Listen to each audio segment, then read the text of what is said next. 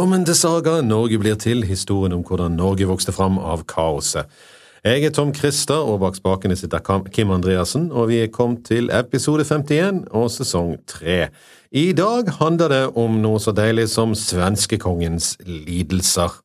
Vi er sånn i 2017-2018, og Olav Haraldsson Digre står nå ved Gjøta elv, eller bare elv, som det ble kalt den gangen. Svenskekongen er lynforbannet siden Olav først har kastet ut hans jarler, deretter hans skatteoppkrevere, for så å marsjere over Svinesund og helt ned til Jøtaland. Svenskekongen kunne lite gjøre ettersom folk i området kort og godt hadde tillagt seg den vanen og bare overgi seg flatt til den hæren som var nærmest. Men de hadde gitt klar beskjed om at de ikke ville være under en konge som ikke kunne beskytte dem mot andre tullevskonger. Nu vel, i praksis betyr det at enten så må Olav gå til krig mot svenskekongen, eller så må han få til et eller annet forlik med Olof Skjøtkonung.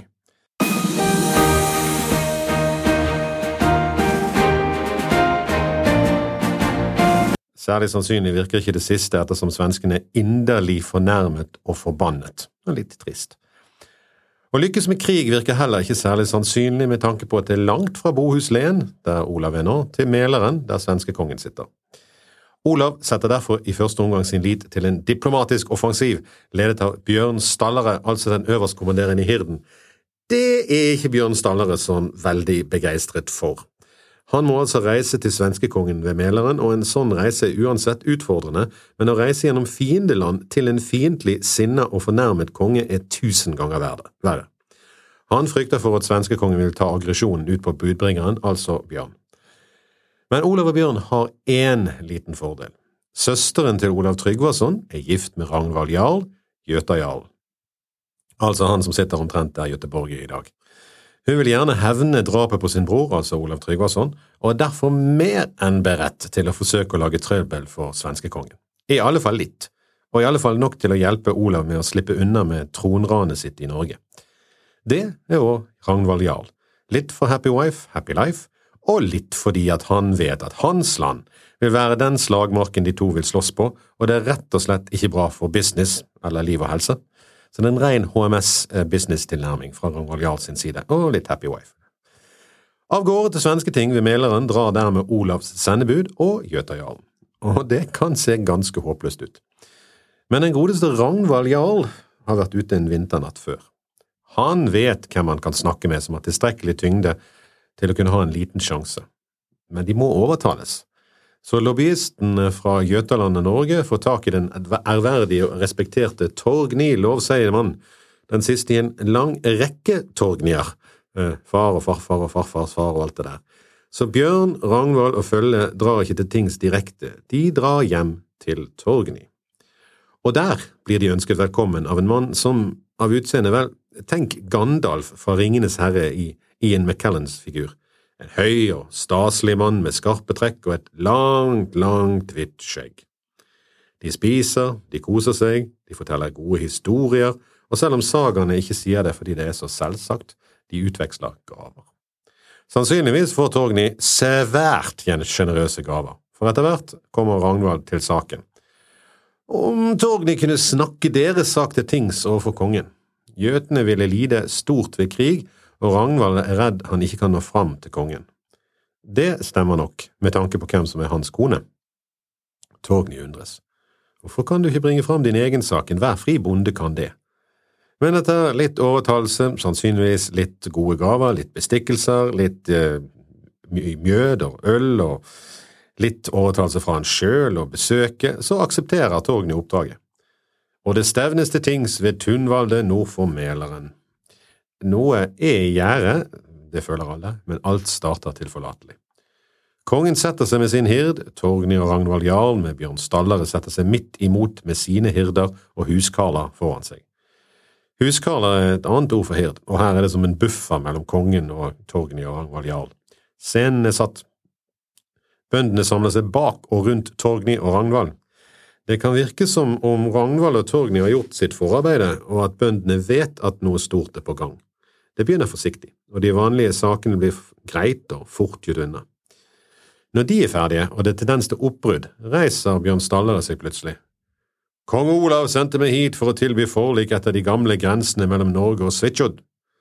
Når kongen først hører han si kong Olav, så tror han han taler om seg sjøl. Men Bjørn Stallere snakker høyt og klart, og når Olof hører at han nevner Norge og Svitsjod, da skjønner han hvor han kommer fra, og hvem han er der på vegne av.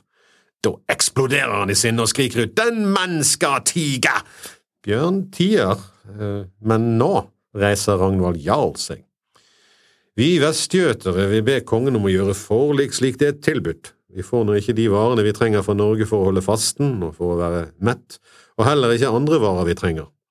Skulle det bli krig, er det våre gårder og vårt land som blir lagt døde, og vi er utsatt for utfall og overfall fra nordmennene om det ikke kommer til forlik. Så slipper han bomben. Og som en del av forliket vil den norske kongen be om din datter Ingegjerds hånd. Hallo? Hvor kom den fra? Jo, det viser seg at Ragnvald og kompani har hatt en kilde inn i kongens hoff. Ingjerd har tilsynelatende en fascinasjon for Olav Haraldsson, altså den svenske prinsessen, eh, er litt interessert i den norske kongen. Og om ikke det er avgjørende, så kan det virke som hun skjønner at det ikke kan komme noe godt ut av en krig. Hun har kanskje en mer realistisk oppfatning av Olav Skjøtkonungs evne til å reise en hær. Det er jo en grunn til at Olav har kunnet marsjere fullstendig fritt inn i Bohuslän og ned til elven. Det har vært kontakt, og hun er faktisk villig til å bli, bli dronning over Norge. Hm, rart. Både rart svensk og rart norsk. Olof mister besinnelsen og kaller Ragnvald jarl forræder og landssviker og det som verre er, om det er noe som verre er, for å ha inngått forlik med Olav. Alt det her kommer fra din fru Ingebjørgs egging, det er der det kommer fra. Det var uklokt av deg å følge dine lyster og gifte deg! Det blir uro i flokken. Altså, han, han, mener altså at det var uklokt selv å gifte seg for Ragnvald Jarl, og som han da mener er en landsforræder og alt mulig rart. Det er ikke så rart at svenskekongen tenner litt til sånn egentlig. Han har mistet skattlandene sine i Norge, som han har levd godt av, han har mistet Bohuslän, uten kamp, og hans lendmenn der har forduftet som soldager i Bergen, og han må sannsynligvis øke skattene til svenskene fordi han ikke lenger får skatter fra Norge. Nå ber hans egne folk om at han tar tapet på hælen og aksepterer det. Han hadde vel mer ventet at de ville reise en hær for ham. I tillegg har hans datter tydeligvis hatt mer kontakt med fienden enn det som godt er, sett fra hans synspunkt. Hvorfor det, egentlig? Hva er det som får hans datter til å være så positiv til forlik og ekteskap og til Norge? Tja, det, det, får vi ikke vite så mye om, men det er tre mulige forklaringer, i hvert fall, pluss en til, som mer, kanskje er mer sannsynlig enn de tre første. Den første har vi nevnt er politisk, at hun vet at Olof ikke egentlig har styrker til å slåss mot nordmennene på deres hjemmebane, og at hun skjønner hvor mye skade en krig, krig vil bety. De har allerede tapt store inntekter, en krig vil bety at det som er igjen, også vil være i fare. Det andre er at hun sjøl har ambisjoner om å bli dronning et sted, og hva er bedre enn en ung, mektig og stigende stjerne med et språk hun forstår? Det tredje kan være religiøse grunner, ikke spesielt sannsynlig ettersom Olof også er kristen. Et mer sannsynlig forklaring er at hun ikke har det spesielt godt hjemme, i kombinasjon med at hun aner at Olofs prestisje har fått et hardt slag, og at bøndene er stadig mer skeptiske til ham. Det siste er helt klart. Noe senere hendelser skal vise. Så la oss foregripe begivenheten litt. Olav blir til slutt så upopulær at han blir tvunget til å dele makten med sin egen sønn, i realiteten overlate makten til sønnen. Eh, men det kommer først om noen år. Den første forsmaken den får vi nå. Etter kongens utbrudd kommer det ingen bifall og tilrop. Det blir bare helt stille. Pinlig stille. Lenge. Svensk stillhet. Spenningen i forsamlingen stiger i denne stillheten til du kan skjære luften med kniv. Og når stillheten holder på å bli evig, så reiser Togny seg og taler kongen midt imot. Hadde han vært usikker før han kom, var han nå helt sikker. Denne kongen måtte settes på plass. Når Torgny reiser seg, blir stillheten brutt, for alle bøndene reiser seg sammen med ham, som på signal. Egentlig er det fordi de vil komme nærmere og høre hva han har å si, men det klirrer i våpen og brynjer, og for kongen må det føles ut som om bøndene reiser seg mot han og kan komme over han når som helst. Torgny taler. Annerledes er Svenne Sveakongens sinnelag nå enn det har vært. Min farfar husket din forgjenger Eirik Emundsen. Han var ute og la under seg Finland, Karelen, Estland, Kurland og mange andre land. Du kan fortsatt se rester av de jordborgene og storverkene han gjorde. Min far var hos kong Bjørn. I hans tid var riket mektige, han tok alltid vel imot sine venner. Selv var jeg mange gang i hærferd med din far, Eirik Seiersel. Han økte også rikets makt. Det var lett å gi ham råd. Men den kongen vi har nå, er det ingen som våger å gi noe annet råd enn det han allerede har bestemt seg for at han vil ha.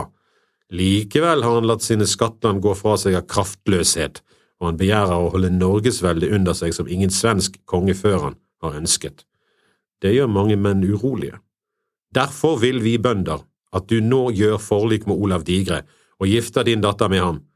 Om du vil vinne tilbake de rikere i øst som du har tapt, så vil vi følge deg. Men om du ikke vil gjøre som vi sier, så vil vi gå mot deg og drepe deg. Slik har våre forfedre gjort før. Fem konger, overmodige som du, ble kastet i kilden på Mulating. Når de ordene faller, får kongen se et skremmende syn, for alle som én trekker nå bøndene sverdene sine. Skal de angripe? Har Olav Digre utløst et opprør? Blir det kamp der på tinget? Men de trekte sverd stikker hull på ballongen Olof. Han skjønner at riket og livet er i ferd med å glippe ut av hendene på han.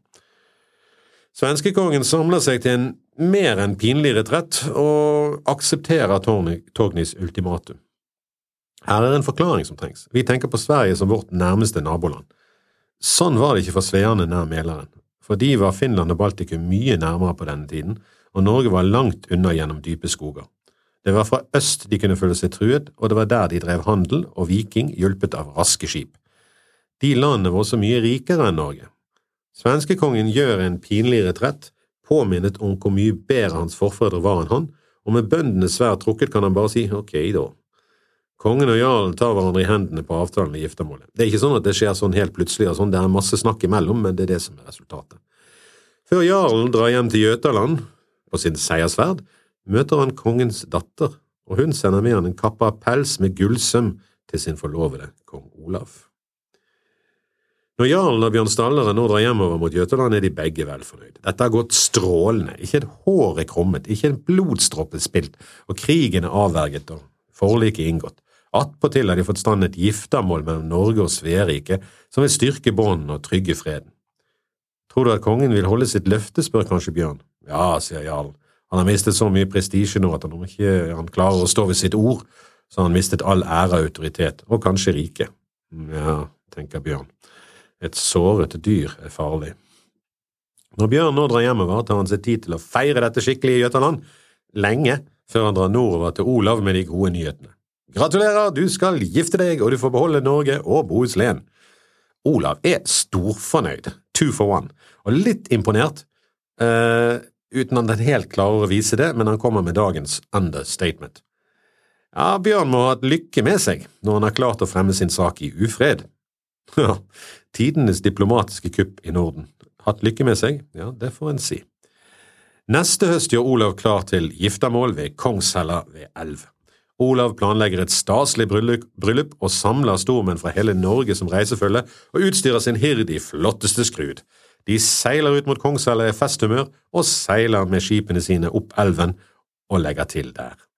De kommer først frem og slår leir, klar til å ta imot brudefølget når det kommer, med pomp og prakt. De venter i spenning på Olavs brud. Og venter. Og venter. Og venter og venter litt til men ingen brud dukker opp. De begynner å bli svært urolige og spør folk rundt omkring om noen har hørt noe om hvor svenskekongen er, hvor langt han er kommet på vei. Ingen aner noe. Odal sender til og med folk ned til Rangvald Jøtajarl, men han aner heller ikke noe. Han skal høre etter om det er noe annet enn det som alltid sinker en konges ferd som er på gang. Med andre ord noe annet enn at alle de som han reiser forbi, vil snakke med han på hans vei. For å finne ut hva som er på ferde, må vi spole tilbake noen måneder til en tid etter at forliket var gjort på vinteren. Tiden går, og Olof gjør ingenting.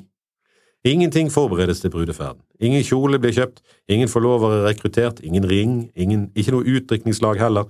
Det begynner å lakke og li såpass at spørsmålene begynner å dukke opp. Blir det bryllup, eller blir det krig? Og hvem blir det krig mot? Ingen tør å spørre kongen, så de spør den vordende bruden isteden. Men hun kan ikke svare, for heller ikke hun tør å spørre faren om dette. Han reagerer med eitrende sinne hver gang Olavs navn nevnes. Men hun er jo selvfølgelig nysgjerrig, Så en dag kommer kongen tilbake fra jakt og er i godlaget. Han har hatt jaktlykke som ingen har hatt jaktlykke før. Hele fem orrhaner har jaktfalken hans tatt. Hvorfor han skal være stolt av det, er en annen sak, men jaktfalken har altså tatt fem orrhaner, og Olof er i smørhumør. Så da han stiger av hesten i strålende humør, benytter Ingjerd sjansen til å fritte ham ut. Hun er ikke helt diplomatisk i sin tilnærming, det er noe virkelig vikingsk over dette. God morgen, Frans, dette, herre konge, men bedre er det vel av Olav, Norges konge, at han tok på en morgen fem konger og hele deres rike. Du snakker om nedtur. Kongen tok det ikke pent, og nå glapp det ut av han hva han hadde tenkt. Du skal vite det, at du skal aldri få din Olav, uansett hvor mye elsk du har lagt på han. Jeg skal gifte deg bort til en eller annen høvding som er min venn, men Olav kan aldri bli min venn. Bryllup avlyst.